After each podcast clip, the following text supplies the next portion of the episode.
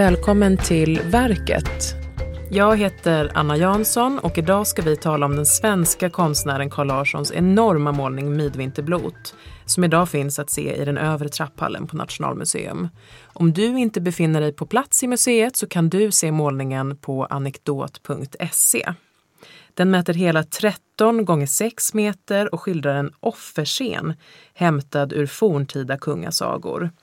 Färdigställd 1915 refuserades verket ett flertal gånger av museet under 1900-talet. Om det här ska vi prata med Anna Maria Hellgren, lektor i konstvetenskap vid Stockholms universitet och själv också verksam som illustratör. Välkommen! Tackar! Och med Per Hedström som är utställningschef på Nationalmuseum och expert på 1800-talets bildkonst. Välkommen! Tack så mycket! Anna Maria, kan du berätta vad föreställer det här konstverket? Ja, det vi ser det är ögonblicket precis innan kung Domalde ska offras till gudarna. Det har nämligen varit missväxt i många år. Man har offrat människor, man har offrat oxar men ingenting har hjälpt. Och nu ska alltså kungen själv offras. Och kung Domalde det är alltså en karaktär som Carl Larsson har snappat upp från Snorre Sturlasons nordiska kungasagor. Och den här scenen den utspelar sig sannolikt utanför templet i Uppsala. Och det är ett tempel som förekommer i en medeltida skildring eh, skriven av Adam av Bremen. Det är en midvinternatt. Det är fullmåne. Träden i bakgrunden är täckta av rimfrost. Vi ser också ytterligare ett träd framför det här templet och det är märkligt grönt. Om vi ser lite närmare på just det här märkligt gröna trädet in i grenverket så kan vi också notera att det hänger kranier i det här trädet. Det är kranier från människor och från djur. Och i målningen så rullas så kung Domalde in på en gyllene släde. Och den skjuts liksom framåt över marken här av fyra män som gör sitt liksom yttersta för att få den här släden att skjutas framåt. Och kung Domalde han har precis kastat av sig sin räv päls och han står där alldeles naken. Han har sin krona, han har sina guldsmycken men i övrigt är han alldeles naken. Och han tittar rakt upp mot himlen. Till vänster om kungen så står också överste prästen, det vill säga en präst klädd i vitt som ska utföra, eller som slags ansvarig för den här ritualen. Och han är enögd. Det kan vi se om vi tittar lite närmare på den här målningen. Och han håller torshammaren sträckt ovanför sitt huvud. Och vi har ju också en figur som jag faktiskt har glömt att nämna och det är ju böden. Och böden står också väldigt centralt i målningen. Och vi ser inte hans ansikte för att han står med ryggen mot oss.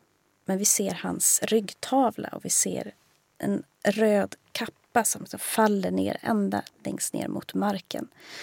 Och bakom ryggen så håller han sin hand och han håller alltså i en dolk. Som sagt, en enorm målning med många detaljer och scener som vi ska fördjupa oss i ännu mer strax. Men först Per, skulle du kunna berätta något om den ganska välkände konstnären Carl Larsson? Vem var han? Ja, just att han är välkänd det är väl en bra början. Han är kanske Sveriges mest kända konstnär, eller i alla fall varit under väldigt lång tid.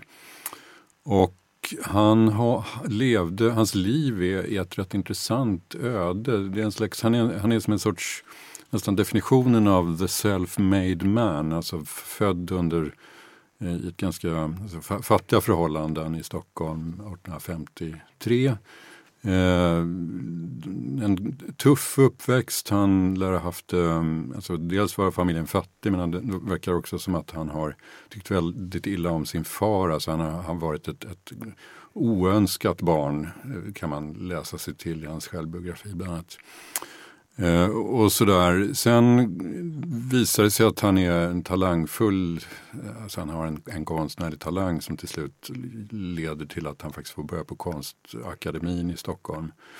Och eh, flyttade så småningom till Frankrike. Han har levt under några år som illustratör i Stockholm eller försörjt sig som det flyttade till Frankrike och det är rätt många år faktiskt innan det liksom börjar gå på något sätt bra för honom. Så han lever ett, ett fattigt eh, liv både i Stockholm och eh, under eh, ett, en tid i Paris och Frankrike. Och sen helt plötsligt så börjar han måla i akvarell scener från den franska landsbygden, vardagslivsbilder från den franska landsbygden som är påfallande liksom skickligt, tekniskt skickligt gjorda och som blir en stor succé. Och här vänder liksom hela hans eh, karriär verkligen rätt, rätt dramatiskt. Så från att, att, ha levt en rätt eländig tillvaro, del, tidvis faktiskt nästan svältande, så, så börjar det gå riktigt bra. Precis i den här vevan så träffar han också sin blivande hustru Karin Bergö som kommer från ett lite, vad ska jag säga, högborgerligt hem i, i, i, Sverige och som också är alltså, konststudent då i, i Frankrike. Och eh, det här gör ju också att han liksom får en annan, vad ska jag säga, social, han kommer in på något sätt i ett annat socialt sammanhang. Eh, men sen det som är liksom den, den, den, det riktigt stora i hans karriär, det är att de flyttar tillbaks till Sverige i slutet på 1880-talet och ehm, börjar bygga upp det här med tiden så otroligt kända hemmet i, i Sundborn i Dalarna. Som ju blir eh, Carl Larssons liksom, motiv framför alla andra. Så att hemmet, familjen, eh, och det här hemmet är ju då också skapat och inrett tillsammans med, med Karin på ett sätt som är väldigt personligt, väldigt modernt, bryter mot ska säga, den borgerliga inredningssmaken och sådär väldigt radikalt i samtiden. Och eh, han gör de här bilderna eh, delvis faktiskt för att han vill ge liksom, eh, världen en slags föredöme, alltså bilder som ska inspirera andra människor att, att inreda sina egna hem. Så att det blir som ett, hans privata, eller, ja, privata liksom, familjeprojekt blir på något sätt en, ett, ett offentligt projekt som ska liksom förändra heminrednings och familjeidealen så där i, i, i världen. Men för honom själv så var kanske egentligen eh, det vi ska prata om nu, alltså muralmåleri, offentlig konst, det som var liksom den, det område där han helst ville bli uppmärksammad, uppskattad och, och berömd inom. För att det hade sån hög status i, i, i kulturlivet och samhället. Så att han fick ett antal sådana uppdrag att, att måla offentliga byggnader och den här Midvinterblot skulle, om han hade fått bestämma själv, så hade det varit liksom krönet på, på den här karriären. Vi ska gå in lite närmare på turerna kring Midvinterblot och varför det inte blev krönet på Carl Larssons karriär lite längre fram. Men vad fascineras ni mest av i den här bilden? Ja, det är en målning som många, med rätta ska man väl tillägga, tycker är ganska märklig. Och den är märklig av många olika anledningar. Exempelvis så har Carl Larsson inspirerats från väldigt många olika håll. Så historiskt så är den väl lite eh, wobblande kan man säga. Ehm, men någonting som jag skulle vilja uppmärksamma eller något som jag tänker på när jag ser den här målningen och det gör jag ofta när det gäller just Carl Larsson. Det är att Carl Larsson omtalas ofta som eh, en av våra främsta akvarellister. Men Carl Larsson tycker jag är framförallt tecknare så hans linje i sig är väldigt intressant därför att den har, den har ett väldigt elegant svung helt enkelt. Man skulle kunna tycka, och det tycker säkert en del också, att den nästan är lite tråkig för att den är så perfekt. Och det är helt sant att Carl Larssons teckning skiljer sig väldigt mycket från det mer dramatiska, nerviga sättet att teckna som hos exempelvis Carl Fredrik Hill som en konstnär som också är verksam under senare hälften av 1800-talet. Men det finns ändå något elegant där i hans linje som jag personligen uppskattar. Kan du ge exempel på hur man kan se den här linjen i verket? Finns det någon detalj där det blir tydligt? Det finns tre män som blåser i eh, näverlurar precis vid ingången där till templet. Och mannen som står ytterst, notera hans ben där, så en väldigt snygg sväng helt enkelt. Alltså det, det är de tre männen som ja, står precis. till vänster från vårt håll sett. Mm, precis. Som överste prästen i vitt. Ja, så hans linje är väldigt ren och enkel. Um, och här kan man definitivt se inspiration från exempelvis uh, japansk grafik som Larsson var väldigt inspirerad av.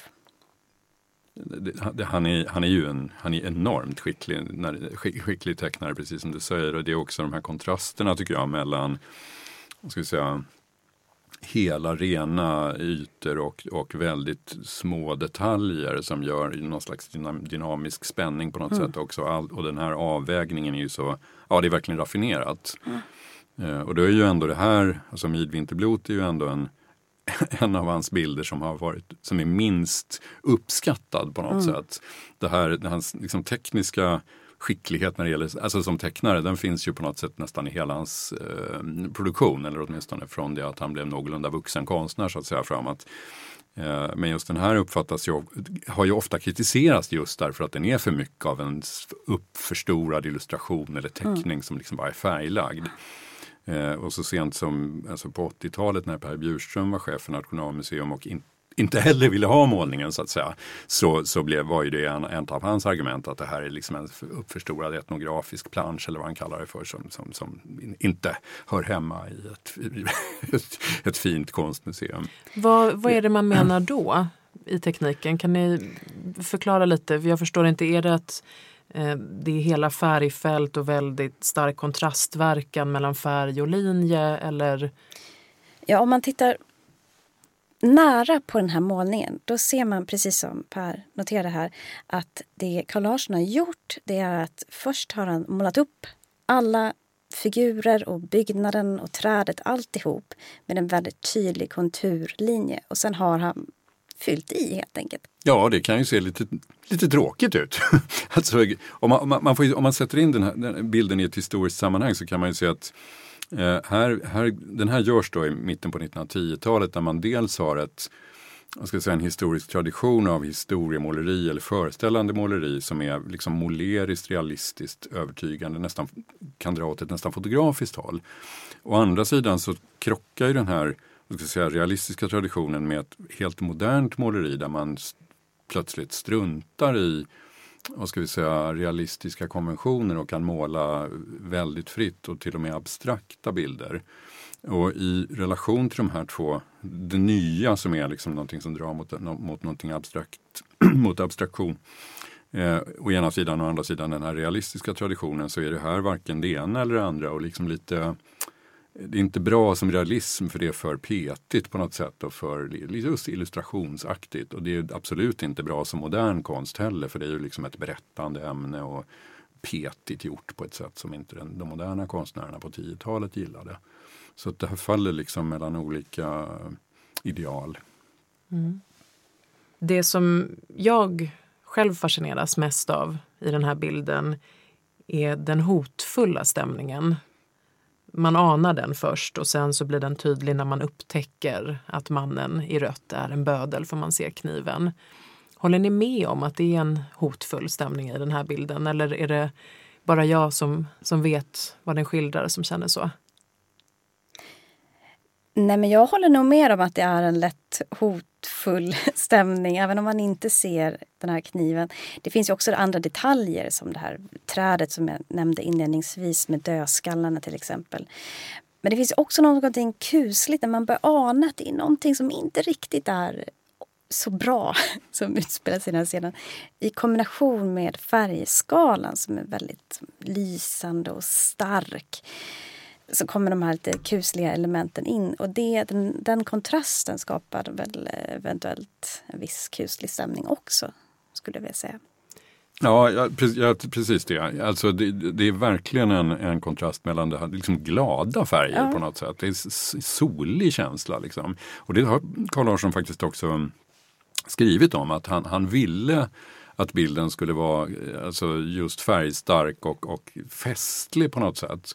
Ehm, jag vet inte riktigt om han har sagt någonting om att det skulle vara så att säga, en kontrast till offerscenen men det var ändå viktigt för honom att lyfta fram det här färgstarka. Och i, i det låg faktiskt också att han tänkte sig att, att det här var en Visserligen är det inte, hans ambition är liksom inte att göra en så att säga, historiskt korrekt rekonstruktion av en historisk händelse utan det här är en fantasibild, en drömsyn talade han om äh, att, att, att man skulle uppfatta det som.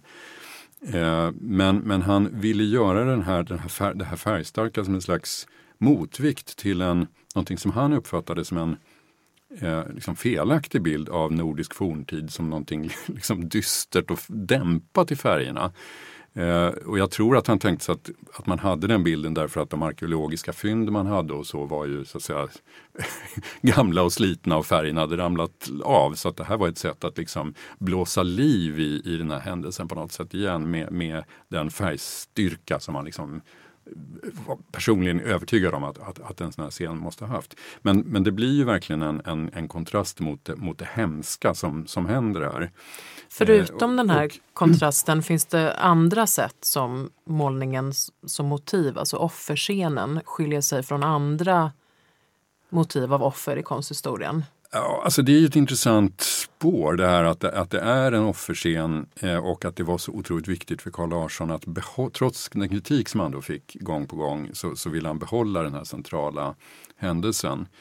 Och eh, eh, framförallt på 10-talet när man diskuterade den här målningen så, så jämförde man ju med eh, alltså, kristna motiv och framförallt korsfästelsescener. Alltså att eh, den här kungen Domalde är som en sorts Kristusfigur som offras för mänskligheten eller, eller folket eller sådär. Och en sak som, som man väl ändå kan säga skiljer den här scenen från en kristen scen eller från korsfästelsescenen just är ju att det helt enkelt är ett rätt så okänt motiv. Alltså korsfästelsescener har man i den västerländska traditionen vant sig vid att se gång på gång på gång i kyrkor och andra sammanhang. Men det här är en scen som väldigt få personer tror jag kände till ens på Carl Larssons tid där man ändå hade ett väldigt stort intresse för, eller mycket, mm, man hade mycket bättre koll liksom, på även svensk så säga, forn, forntidshistoria än vad man har idag så, så var det här inte någonting som, som folk i allmänhet kunde förväntas känna till. Så det, jag tror att den här scenen uppfattades som ganska udda. Liksom. Anna Maria, om man nu inte känner till det här motivet, vad finns det för komponenter i bilden som ändå ger oss ledtrådar och berättar om vad det är som händer? Det finns flera olika anspelningar till orden Tor och Frej som det här templet var helgat åt, återigen enligt Adam eh, av Bremen. Ett exempel på det är den här träskulpturen precis bakom den vitklädde prästen som ju föreställer Tor med sina bockar exempelvis. Det här trädet som jag har pratat om en del, eh, det kommer faktiskt också från Adam av Bremens skildring över det här templet. Eh, I den här skildringen så berättas det nämligen om det här trädet som är ständigt grönt. Men det berättas också om en lund av träd precis intill. Och de här träden har någon slags gudomlig kraft och de har fått den här gudomliga kraften just eftersom det är i de här träden som tidigare offer har hängts upp. Helt enkelt. Just det, för du sa i början att eh, om man tittar i de övre hörnen så ser man andra träd som är täckta av rimfrost. Ja, precis. Men trädet i fronten, det med djur och människoskallar, det är grönt. Mm, så det är något mystiskt, något halvokult som pågår här. Ehm, och som vi kan förstå bättre om vi tar del av de här eh, medeltida källorna helt enkelt. Är det här en historisk händelse som skildras? Nej, alltså det är en, nej, man vet ingenting om, om, det, om något sånt här har hänt. Man vet inte om den här kungen en, har funnits i verkligheten. Eh, idag betraktas det väl mer som, betraktas väl den här historien mer som en legend liksom, berättad av, av de här medeltida historieskrivarna. Alltså en intressant sak är ju liksom hur om man tittar på den här debatten som, alltså motståndet mot målningen på, på 1910-talet när Carl Larsson arbetade med den, så fanns ju ett eh, en, en falang liksom av de här personerna som kritiserade målningen pratade ju om att det här var historiskt fel. Liksom, mm. Att Carl Larsson blandar eh, arkeolog, han har studerat arkeologiska föremål från alla möjliga tider. Alltså det skiljer 2000 år mellan den äldsta prylen i bilden som han har avbildat till den yngsta. Så att det är allt från liksom nordiska bronsålderslurar till kinesiska tempellejon och, och, allt möjligt. Och dessutom en massa saker som, är, som används liksom i, på fel sätt. Alltså det är spän, bältesspännen till exempel som har förvandlats till hjälmar och sådär. Så att det är väldigt Carl Larsson har använt liksom ett historiskt formförråd som han tycker är snyggt på något sätt och, och fogat in i den här bilden. Så det, det blir som en slags fantasy liksom av det. Eh, som kanske idag är lättare att liksom, gilla på något sätt än det var på 1910-talet. Midvinterblot blev ju refuserat av Nationalmuseum, faktiskt inte bara en utan flera gånger. Kan du berätta lite om det Per? Mm, absolut. Det, för det, det, första man kanske ska säga är ju att, den, att um, Carl Larsson ju gjorde det här, han målade um, Midvinterblot på eget initiativ. Så att museet hade ju egentligen, egentligen ingen, liksom formell skyldighet att ta ställning till det här. De hade inte Men, beställt den av Nej, honom. det var ingen beställning överhuvudtaget utan han, han ville få måla även det här sista tomma väggfältet i museet.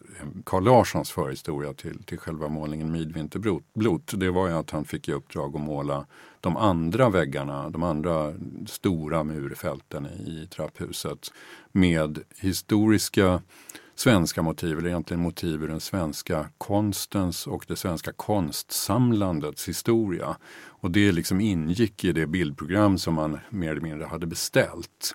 Och det föregicks av, av flera tävlingar där man lät konstnärer eh, lämna in bidrag till hur man ville att det här skulle se ut.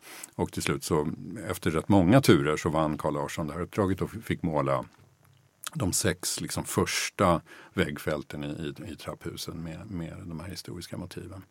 Men sen ville han liksom fortsätta på det här spåret. Det fanns två stora väggfält i översta delen av, av, av trapphuset som eh, fortfarande var tomma och som han hade tänkt skulle ha väggmålningar. Och då tog liksom Carl Larsson själv initiativ till, till att, att lämna in förslag på det här. Och den en, det, det, det första förslaget som handlade om Gustav Vasa Gustav Vasas eh, intåg i Stockholm på midsommarafton 1523. Eh, den målningen godtogs till slut och han fick utföra den i museet. Eh, och sen vill han liksom fullborda det här med en sista scen och då tänkte han sig att det här midsommarmotivet som Gustav Vasa-scenen eh, liksom, innehöll skulle ha en, en pandang, ett vintermotiv på, på väggen mittemot. Och eh, liksom bestämde sig för att det här var rätt motiv. Eh, kontaktade museet och lämnade in förslag och sådär. Så, som man artigt tog ställning till. Eh, men ehm, museets, alltså man hade en, en, en särskild nämnd faktiskt som skulle liksom ta ställning till det här. Och den var splittrad. Så det var ett par personer i den här gruppen som var mm, i stort sett positiva till målningen och de andra var negativa.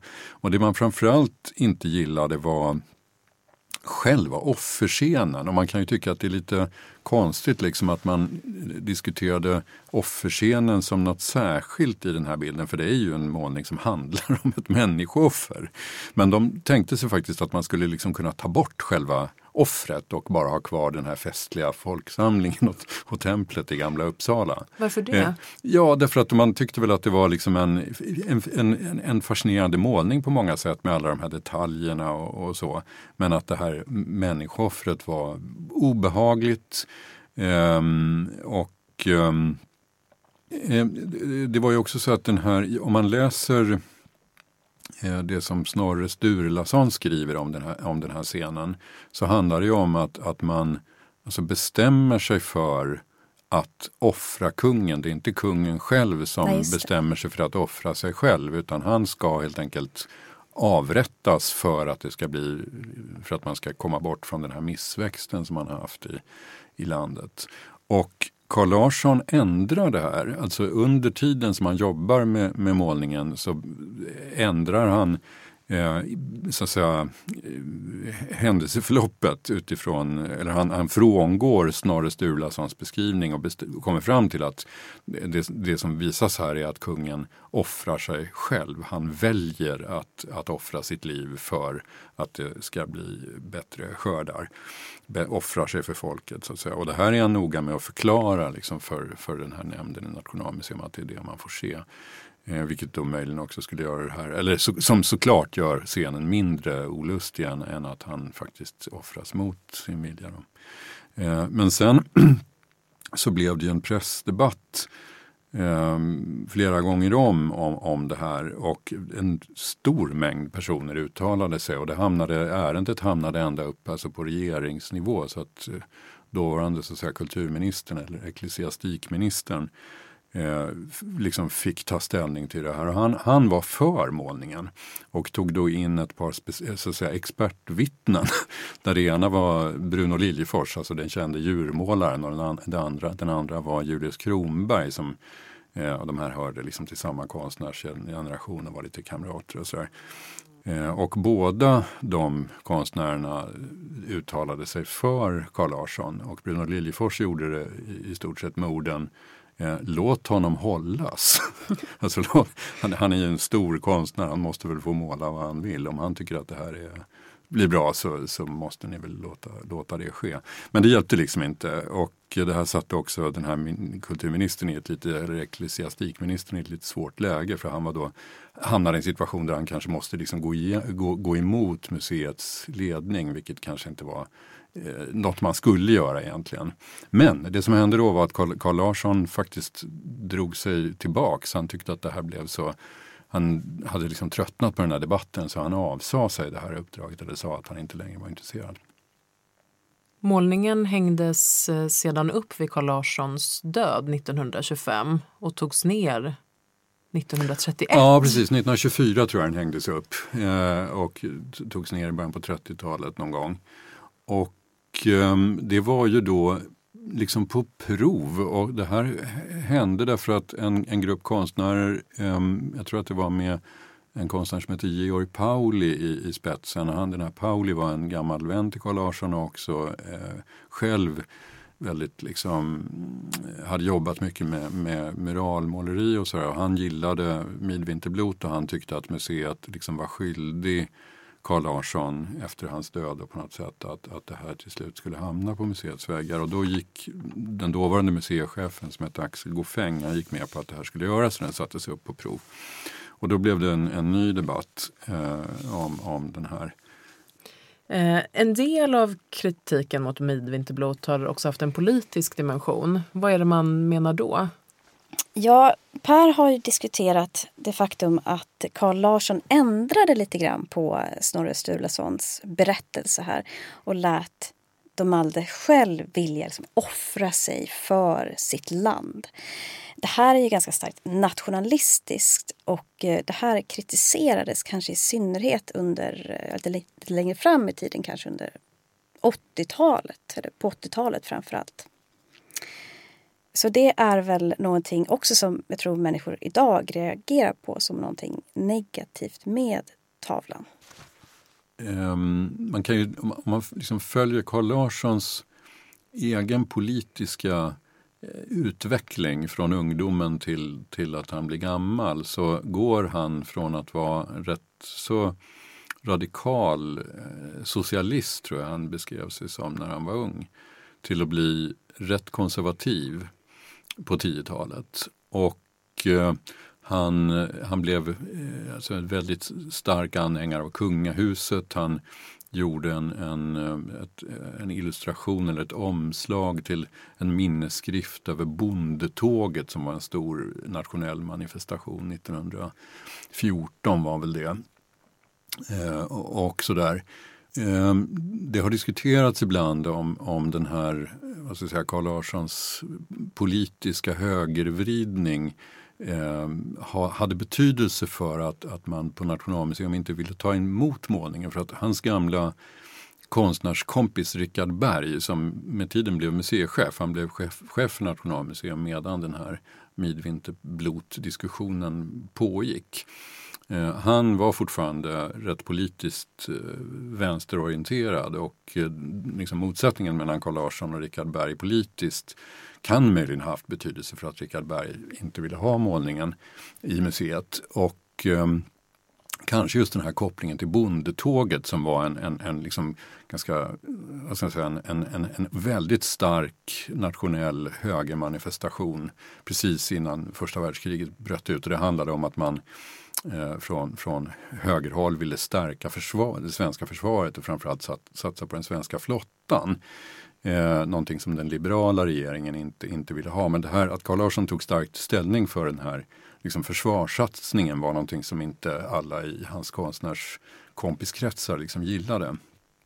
Eh, och det kan tänkas att man i den här målningen uppfattade någon slags liksom Carl Larssons hyllning till en, en, en, en, kung som, som liksom står upp för sitt folk. Att det fanns någon, någonting i det där som, som, som man uppfattade som lite olustigt. Det här är ju liksom historiska spekulationer egentligen men, men, men ändå en lite intressant fråga.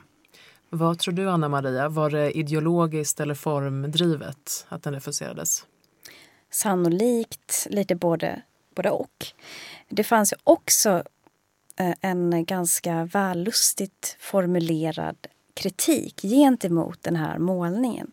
Och det kan man läsa om i pressen under den här tiden och sådär. Och eh, där kan eh, kung Domaldes pås kritiseras.